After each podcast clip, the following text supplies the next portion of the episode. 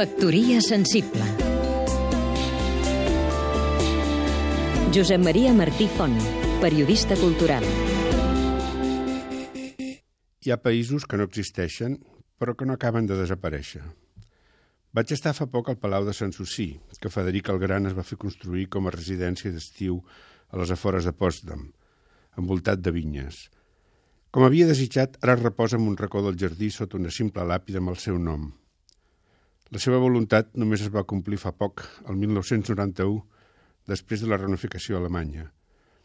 Va morir a Sanssouci, però va ser enterrat al costat del seu pare, Frederic Guillem I, el rei sergent, a qui detestava, i que, entre altres crueltats, el va obligar a contemplar la decapitació del seu amic i amant, Hans Hermann von Katte.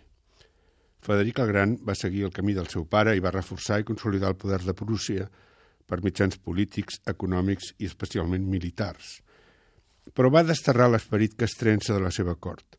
A Sanssouci, les llums, l'il·lustració es fan evidents.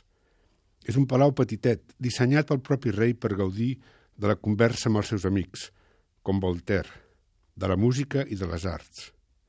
Una de les sales conserva el pianoforte que utilitzava el més conegut dels músics de la seva cort, Carl Philipp Emanuel Bach, el mateix instrument en el qual el seu pare, Johann Sebastian Bach, ja gran, va interpretar el fraseig composat per Federic amb el qual va elaborar després l'ofrena musical.